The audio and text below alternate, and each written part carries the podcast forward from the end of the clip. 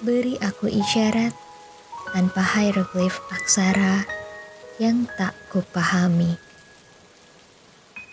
Beri aku gambaran asa tanpa ilustrasi raharakti, tatkalara, dan horus menjadi satu jiwa. Ya anta Pazuzu, yang kan menjagaku dari lamastu. Tetaplah bersabar, meski dalam kerinduan kita hanya bisa bertemu dalam doa.